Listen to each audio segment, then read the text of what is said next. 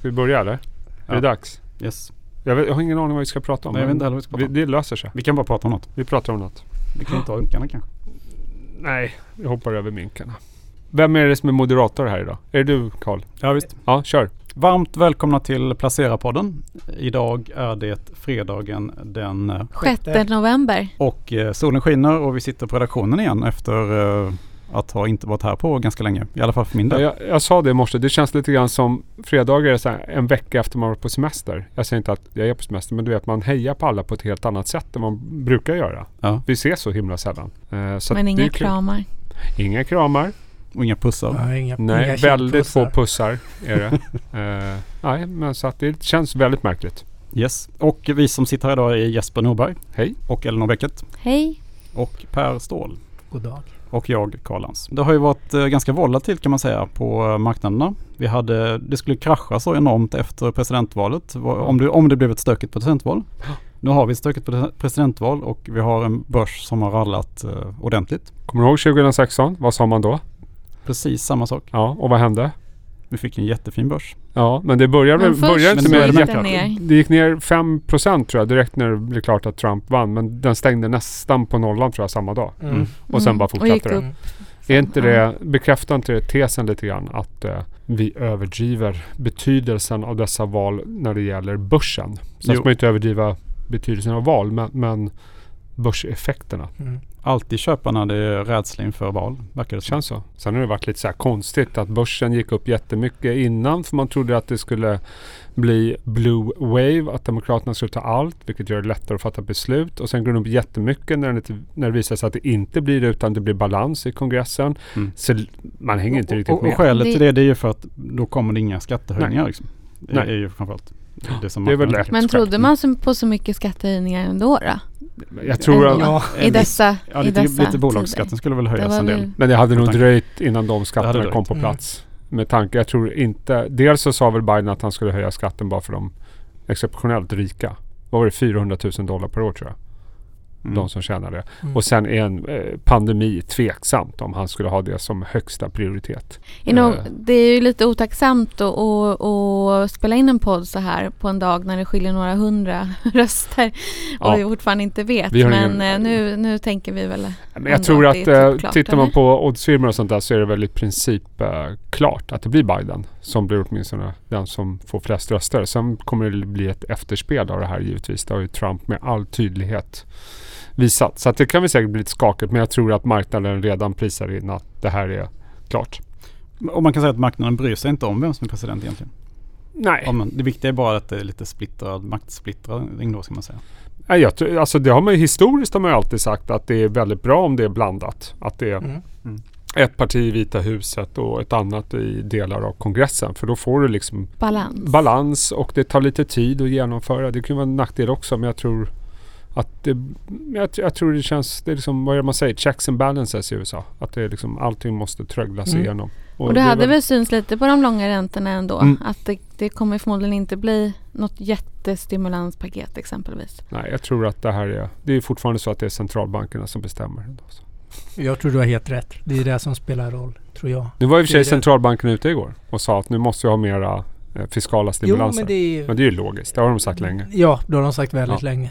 Men sen har det väl inte varit så stökigt heller på gatorna och sådär. Och vad, är det någon icke, icke-händelse? För det var man ju orolig för faktiskt innan. Mm. Eh, nu är inte det över då eftersom eh, Nej, det kan ju President- fortfarande hända förstås. President Trump är ju ganska duktig, duktig på att just nu försöka uppvigla hans eh, eh, lojala anhängare. Så vi får se vad som händer. Men det är väl samma där att man, man målar väl alltid upp en mycket värre bild än det som sen verkligen Det sker. är väl liksom. lite grann det Det- som är det börsens liksom. roll. Och vi får ju glömma, inte glömma bort heller att eh, man inte, är det inte oftare så än vad man tänker att börsen är ännu mer förutseende än vad man tänker. Så sakerna som händer händer liksom lite före de inte har hänt.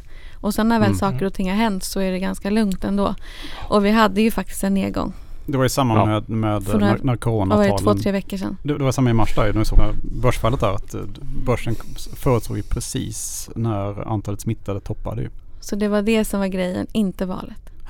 Jag tror också det. Sen får jag lägga till en coronagrej där. Sen ska inte jag prata så mycket. Jag vet att jag pratar för mycket. Eh, intressant är att mitt i det här. Nu kanske jag gör en höna av en fjäder. Fjäder av en höna, vad säger man? Har det med Eh, minkar att göra? Nej, det har inte med mycket Att i, vad hände i onsdags, dagen efter valet? Då kom AstraZeneca med en rapport. Och rapporten i sig var ju inte så speciell sådär liksom. Det var ju, men vad var det de skrev i sin rapport? Ja, att de snart har ett uh, Att de räknar i sin tabell över nya läkemedel så räknar de med ett godkännande i år av deras vaccin för covid-19. Och på efterföljande telefonkonferens så pratar de väldigt mycket om det här tydligen. Att de är beredda att rulla ut det här ganska fort. Så de är ganska säkra med andra ord.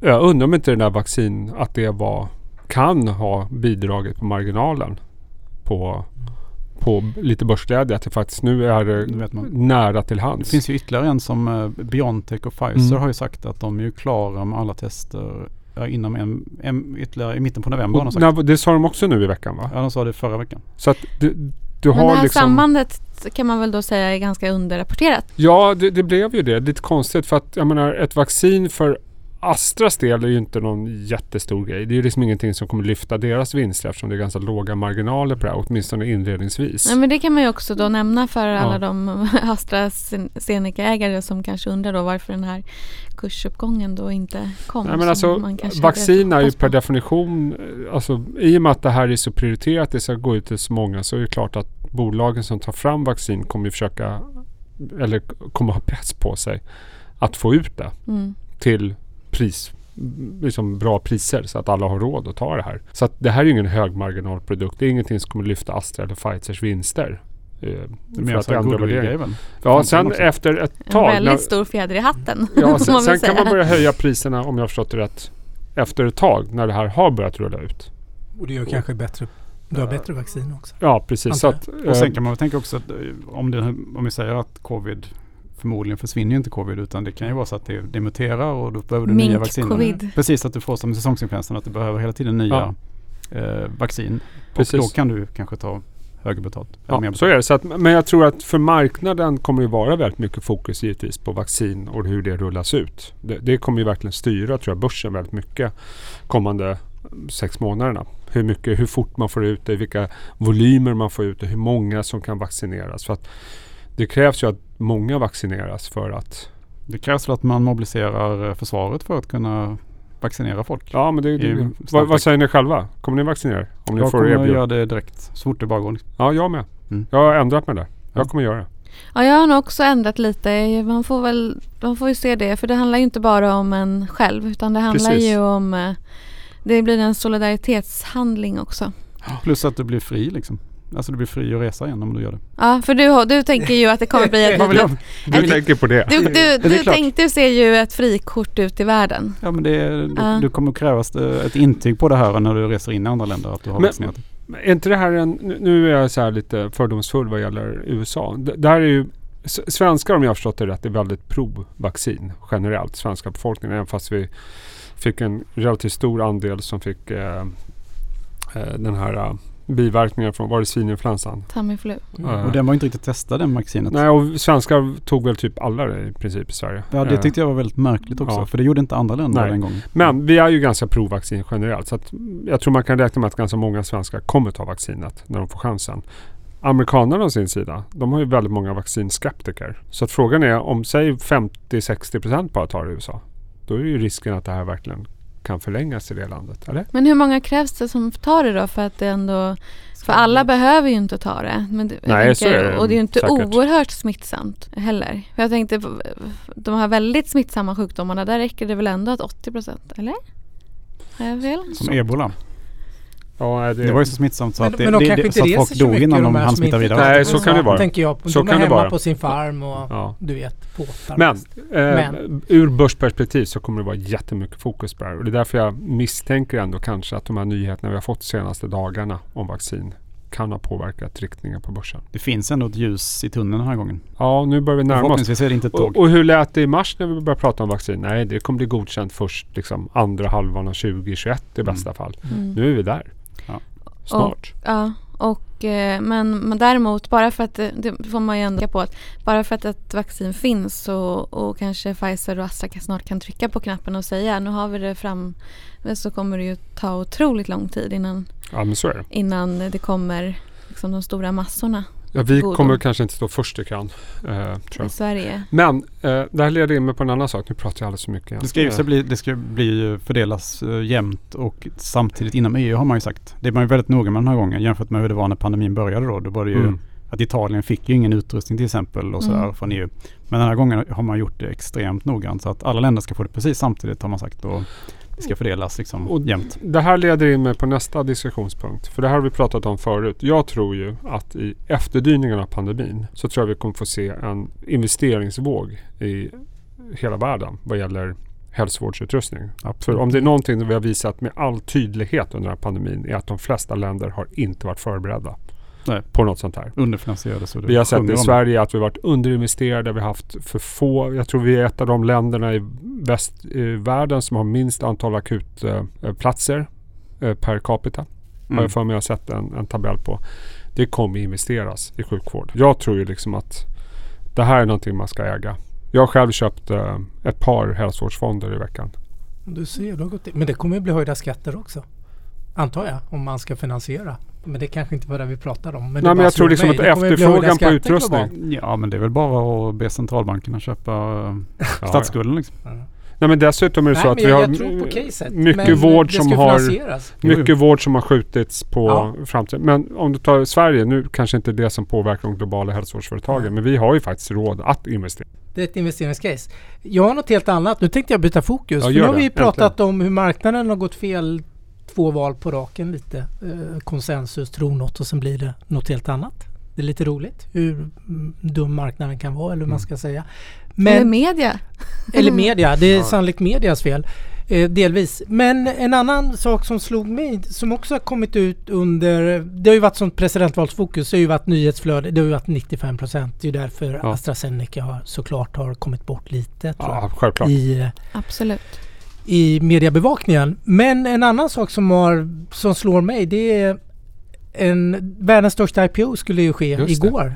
Ant Group. Ant Ant. Group, precis. Vi har pratat om det tidigare. Också försvunnit i Eh, medieflödet. ja, den försvann i alla fall här i västvärlden jättemycket. Ja. Men den var jätteintressant. Kina Det pratar skulle vi vara för de som världens inte största vet. IPO eller? Det skulle vara världens största IPO. Den skulle göras på Shanghai och Hongkong. Eh, huvudägaren Jack Ma som är Alibabas grundare och grundade Alipay som i princip är Ant Group idag då. Eh, gjorde ett uttalande i slutet på oktober han kritiserade eh, kommunistregimen indirekt. Det och får man inte göra. Bank, Det bankerna, inte de gamla, ostraffat. gammelbankerna och hela det här hur man Mm. har konkurrerat ut dem och så då. Och nu har regeringen satt ner foten och visat vem som bestämmer. Katten och... Ja, och sagt att det är inte okej med Shanghai-noteringen. Att den, eh, det finns massor med frågetecken. Och de hotar med reglering, öka regleringarna för fintech-sektorn. Och, vilket innebär att man tar bort delar av vinsten och lönsamheten. och deras marknad helt enkelt. Ja, delar av marknaden. Sannolikt man gör massor med tak på utlåning och sånt där. Förhåll- lite som vi har i Sverige förhållande på årsinkomst och sånt där. Det har inte funnits tidigare då. Och eh, IPOn är nu skrinlagd, eller vad ska man säga? Den, den kommer inte att Lagd ske. på is. Den är lagd på is. Vi får se vad som händer. Det blir uh, kanske inte världens största IPO längre. Vi får se för det lär ju bli en annan värdering. När Men man, hur drabbar det här Alibaba då? Ja det drabbar ju Alibaba. Den backade ju 8-9 procent den nyheten för de äger en tredjedel i bolaget. Det var lite, min poäng med det hela var lite att man vet aldrig vad som händer. Och det som händer är något man inte har tänkt på. Mm. Eh, lite min poäng. Presidentvalet det blev inte. Eh, och eh, här kom det lite som en blixt från klar himmel. Och jag. det som man vet kommer hända blir så genomlyst och ana- analyserat så att när det väl händer blir det nästan som en icke-händelse ändå. Ja, men lite så kan det vara. Men det är lite intressant med Ant. Jag ska avsluta min, eh, mitt, min diskussion kring det. Men det som ändå är intressant är att man inte gör någon USA-notering Mm. överhuvudtaget. De behöver inte det. Man behöver inte det längre. Man kommer åt, man får allt internationellt kapital ändå via Shanghai-börsen och via Hongkong. Mm. Vilket är en liten En decoupling. en decoupling. Vi får väl se om det är säger någonting om framtiden hur finansmarknaden kommer se ut. Lite närmaste. tråkigt för eh, de eh, småspararna kan man väl tänka.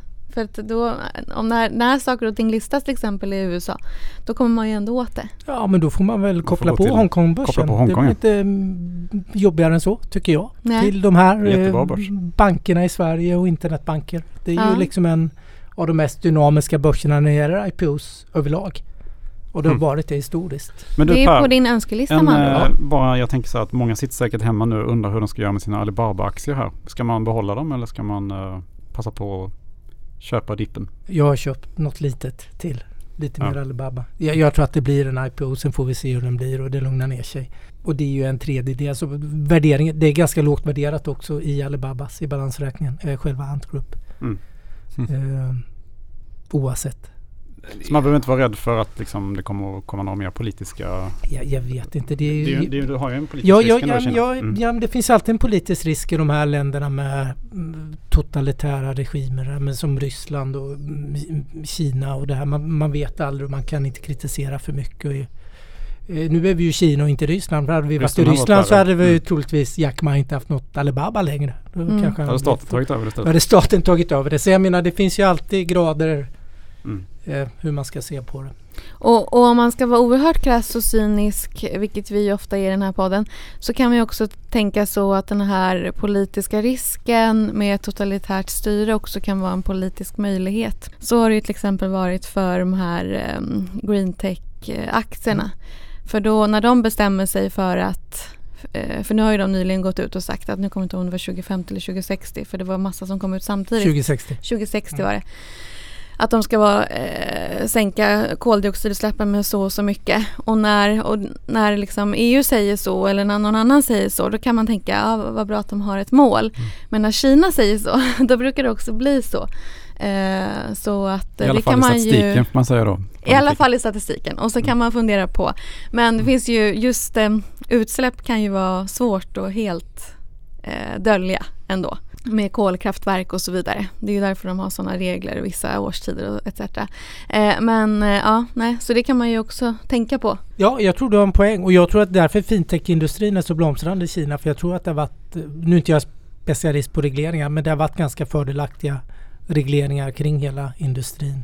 Så eh, precis som du säger, det, det går att styra mycket med regleringar och mål. Och Ja, när för man, bestämmer de sig När man för, bestämmer. Ja, för bestämmer De sig för, för någonting så, så kan det också bli så. Mm. Eh, jag intervjuade ju nu Patrik Lindqvist som eh, förvaltat vad var det, andra bästa fonden på ett år i hållbar energi och det kan man ju tycka är väldigt läskigt ställe att vara eh, när det har, för det har ju gått så fantastiskt men vi snackar liksom 100-200 procent på vissa av de här innehaven, kinesiska solcells eh, Ja, det var ju innehav som hade gått underleverantörer 500 och- procent jag. Ja, kikade liksom- lite på det där. Ja. Det helt, Man blir ju nervös bara att titta på det. Mm. Men eh, ja, och där såklart så finns det ju någonstans så är det ju en, en möjlighet också. Det är klart. Apropå hållbarhet. Mm. Alltså, Vad- de, ja, men alltså hållbarhetsaktier rusade ju ganska mycket inför för man trodde att Demokraterna enligt opinionsmätningen skulle vinna allting. mm, Och han har haft en ganska progressiv och, och ambitiös klimat. många politik. miljarder som skulle Och han ska gå med i Paris direktavtalet. Han ska liksom verkligen Mm. investeras. Det lär ju bli svårt nu med republikaner i senaten. Mm. Eller? Eh, men... Tänker eh, jag. eh, För det har varit en ganska högt värderad sektor. Det absolut. får vi ändå säga. Hittills har det väl inte riktigt Jag, jag har inte märkt. kollat det. Nej men du, du har en poäng. Jag, Men ja, jag pratade med Pekka faktiskt Ja. nu tidigare i veckan. Och vi, då pratade vi um, i, EUs stödpaket är 750 miljarder euro. Som är en tredjedel öronmärkt till gröna investeringar. Och mm, Pekka sa något intressant. Han tror att om det blir liksom en andra dippen blir värre nu i Corona. Mm. Att de här 750 miljarderna, att man, de här öronmärkta pengarna kan försvinna. Tror han att man plockar från för det här och nu som gäller och rädda företag som kanske inte är omställda Okej. till den framtiden vi vill ha. Men du måste ändå rädda om det nu är en kolgruva eller vad det nu må vara. Cement. Ja, men det kan det vara. Och därför menar han att ja, men då, då är det nog lätt att man tar de här gröna öronmärkta pengarna och tar så ner det. förutom För de istället för skyhöga till- värderingarna så har vi ännu en riskfaktor i och med det då? Ja, det, det bara slår mig lite. Ja, men så kanske det är. Ja, men när allt, när det är, s- liksom, man får ju liksom omallokera de pengarna man har ibland. Då får man ju tänka om och det kanske inte blir de bästa långsiktiga lösningarna för du måste rädda något kortsiktigt. Ja. Så Eller också kommer man kanske utöka den här fonden. Kan det Ja, det, det är också en möjlighet men Men om pandemin blir värre än man trodde så, så Ja. krävs ju det. Å andra sidan så eh, kan man ju också tänka på att det var väldigt många som sa att åh, nu blir det dåligt för de här bolagen när Trump kom till makten. Mm. Och det har ju varit helt tvärtom. Ja. Så att, då är ju frågan liksom om marknaden vill ha något så, så kanske det är det som gäller. Så vi är tillbaka till ruta ett, det vill säga att man ska inte bry sig så mycket om Det är väl valet. samma med det här, det är väl samma att de hållbara investeringar och sådär. Att de flesta människor i USA, eller väldigt många människor i USA kan ju tänka utanför boxen. Och eh, de investerar ju, företag ställer ju om sig Absolut. och blir klimatneutrala oavsett vem som är president. liksom. Och delstaterna, för Texas är väl den delstaten som investerar mest i hållbar energi.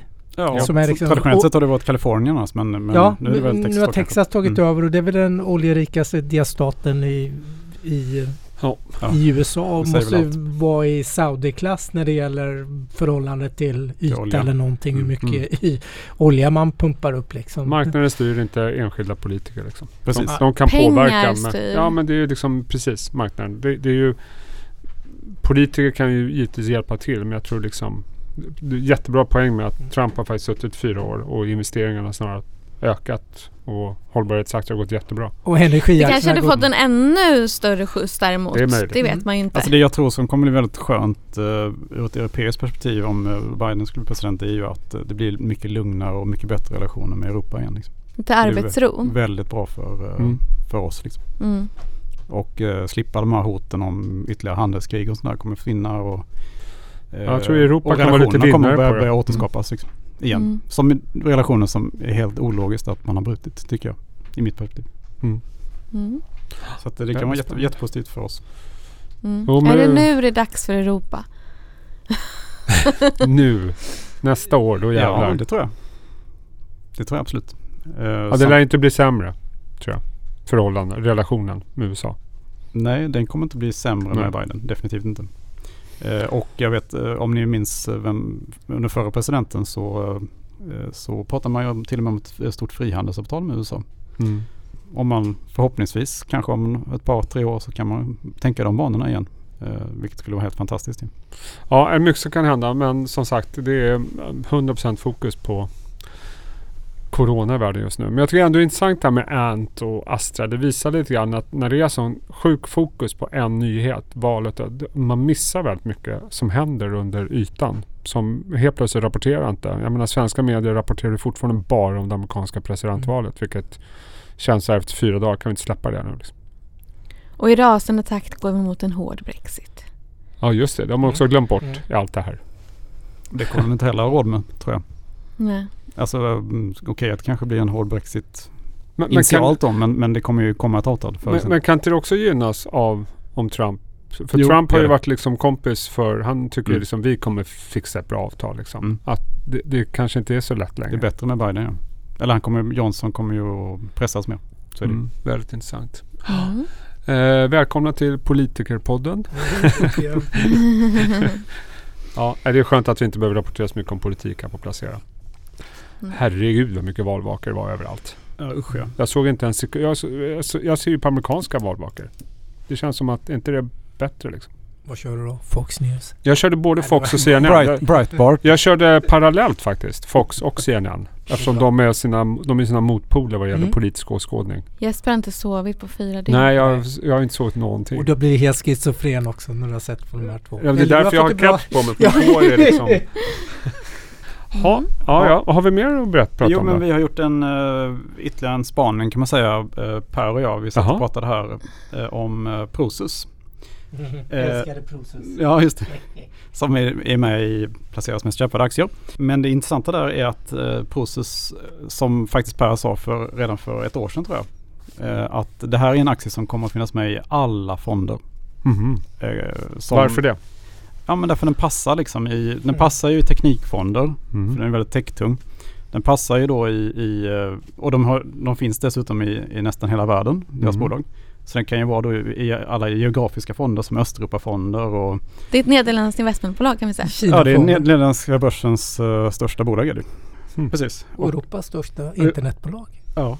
tror och Sydafrikanska börsens största Ja. bolag. Så det är som ett Kinderägg. Ja, det har allt helt Mycket enkelt. indirekt. Mycket Ja. Tencent. Men det roliga nu är också att de då har uh, initierat ett, eh, det, det har varit väldigt stor substansrabatt i aktien, uh, nästan närmare 40 procent. Så de har eh, sagt att de ska börja återköpa aktier Mm. i större skala. Och nu har aktien egentligen börjat då röra lite grann på sig. Marknaden älskade den nyheten. Och det var ingen som hade räknat med den riktigt heller tror jag. Nej, det kommer oväntat. Mm, faktiskt. Man investerar så pass mycket och har en stor kassa för investeringar som man nu Mm. investerar i den egna aktien. Men Jag får, jag, får, jag får tacka er då för jag tror att jag Ja. tajmade mitt köp där rätt bra. Ja, bra. har stigit rätt bra på sista tiden. de har sagt också att eh, det här ska inte påverka nya investeringar heller. Utan de ska kunna fortsätta återköpa uh, oavsett. Eh, eller kunna investera då och återköpa samtidigt. Så det var en liten kul nyhet. Får jag säga någonting? Ja, det är klart du får. Det är ganska snart årsskifte. Eh, jag sitter ju si- min sista redaktionspodd på väldigt länge nu för jag går ju på föräld- föräldraledighet. Eh, Tråkigt för oss. eh, men, och då blev det också en liten tidig, tänk på det här innan årsskiftet artikel. bra. Så de flesta grejerna är sådana som återkommer ganska eller varje år, kvitta vinst mot förluster etc. Det är ju ganska få som kanske fortfarande har massa vinster på depåer eh, eftersom att de flesta har ISK etc. Men någonting man kan tänka på. Fördela räntorna mellan er. Om ni bor med någon, om ni har lån. Nej, du ser ut som ett frågetecken. Ja, men jag har inga lån. Nej men då så. Jag har massa lån. Alltså Ja. inte i bostad i alla fall. Nej. Jag har Men massa det kan lån. ju vara bra. Och kolla hur mycket utrymme man har och sen även fördela ROT och RUT. Så om man till exempel, jag vet att det finns någon här kring bordet som har gjort väldigt mycket ROT. Jag har ju Rot- rot- jag rot- rotmannen. Jag har rotat max. Har vi Du, ja, det kan man ju kolla Och- på. Ja. Eh, så man, eh, om Och man nu... rutat har jag gjort lite också. Både Du har rutar och rotar. rotat och rutat, Ja. ja. Ja. Eh, nästa år då är det ju upp till eh, då är det 75 000 eh, ROT och RUT. Varav ROT är 50 000 av dem. Så det är lite mer. Men om man ändå känner att man kommer att maxa det nästa år så kan det ju vara bra nu inför årsskiftet att faktiskt eh, betala. Mm. I alla fall. Så kan man, har man till januari ut för att få arbetet utfört. Det var bara det jag ville säga. Var ju... En liten påminnelse. Mm. Och Matnyttigt. också om man vill byta förvaltare i sin tjänstepension ska man göra det så fort som möjligt. För att det ska gälla nästa år. När, vad är det för datum som gäller där? Är det årsskiftet eller? Ja, jag vet inte exakt vilket Nej. datum. Jag tror inte att, du, att de hinner göra det om Ja. du gör det den tre- 30 december om vi nej. säger så. Och så hur är det- det nästa år kan man flytta sin tjänstepension också va? Utan med en lägre avgift va?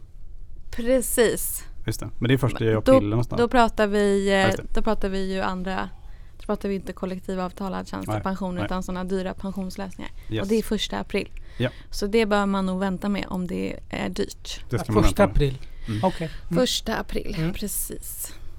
Mm. Mycket spännande. Ja, det får man ju tänka på. Jo, det är bra att veta. Det är jättebra att veta. Men det är skönt att göra det nu, slipper man tänka på det i mellandagarna. Kan man sitta Jag ska där och käka berätta det för choklad glögg och kolla på Jag ska berätta det för min fru. och- Det är hon som sköter hushållsekonomin hemma hos oss.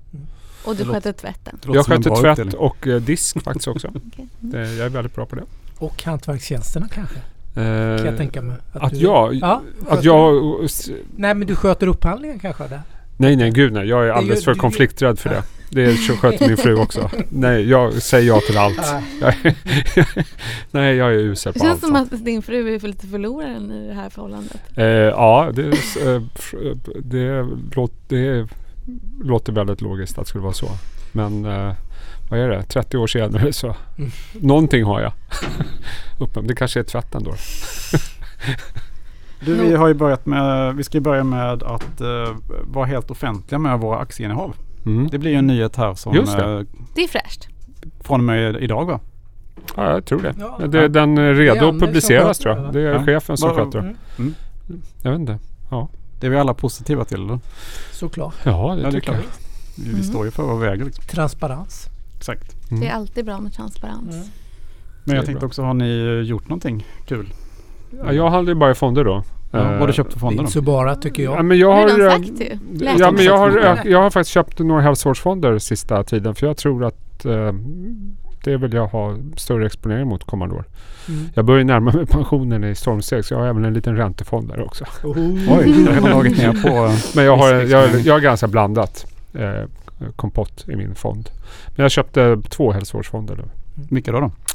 Eh, Swedbank Robur Medica. Det är för att jag har lite, jag pratade med Mattias Häggblom som igår som är ansvarig förvaltare. Jag tycker att han är väldigt, väldigt bra. Han har lång erfarenhet och han är både utbildad i börs och finans men också eh, biologi. Så att, ja, jag- han har rätt inställning tycker jag. Den har inte gått lika bra som Handelsbanken däremot. Det är mycket möjligt. Men eh, jag väljer ofta utifrån person. Och du tänker framtiden också. Man vet inte vilken som kommer att gå bäst. Nej, och sen har jag faktiskt köpt eh, lite Renman också.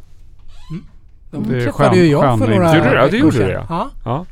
Ja. De har en liten annan investeringspolicy. Och sen har jag ökat lite i... eh, Tar de högre risker eller vad ska man säga? De har väl lite mera hävstång och lite hedge och... Lite hedge, lite de- hävstång ja. och lite Blanda lite. och mycket så här läkemedelsbolag. Ja. Vilket är lite spännande. De är duktiga på det. Och sen har jag ökat lite i USA faktiskt. Och det är ju, köper jag eh, Handelsbankens. De har ju de här tema småbolag och Mm. eh, har Amerika. Typ. Typ aktivt förvaltare alltså. Mm. Ja men jag tycker de är duktiga. Jag har alltid gillat deras investeringsmodell. Jag tycker den är alltid roligt att lyssna på dem när de berättar sina stories tycker jag. Hur de träff, nu har de träffats mycket på grund av Joakim. Corona. Jo, Jocke By och eh, det teamet. De är ute i USA jätteofta och träffar bolag.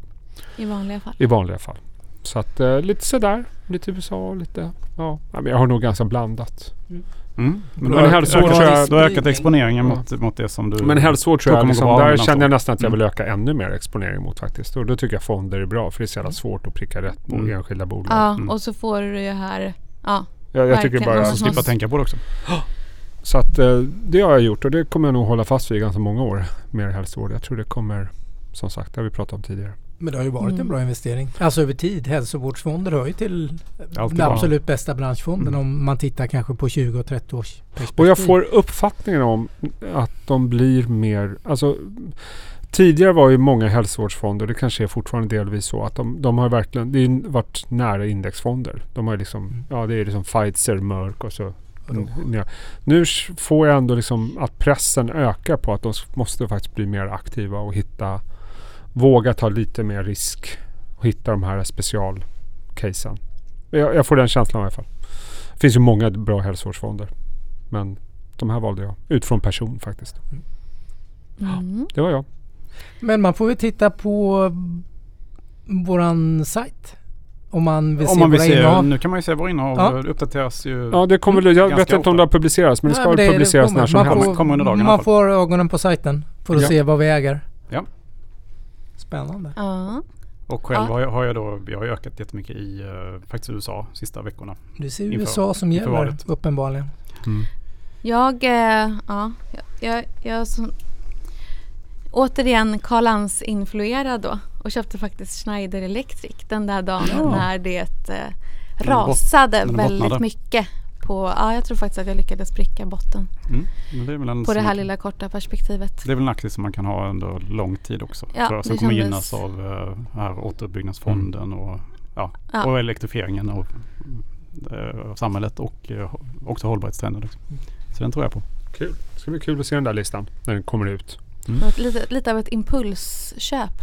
Men, eh, Impuls köpte Schneider, Schneider Electric. Ja, Franska det var, nu, går det, nu går det ner så mycket. Nu, må, nu måste jag köpa något. Då blev det Schneider Electric. Jag har Ja, faktiskt installerat massor med elprylar från. från Schneider. Ja, jättefina är de. Mm. Mm. Alltså de designmässigt ligger Ja, men de är ledande alltså. De är ledande. De är Ja. inte framkant ens. Fina De är elkontakter. framkanten. De är i framkant och ja, de ledande. är framkanten, vilket jag gillar. Mm. Yes, ska vi ta helg då? Nu tar vi helg. Nu tar vi Ja, helg. trevlig Tack. helg. Trevlig helg. Hej hej. Hej.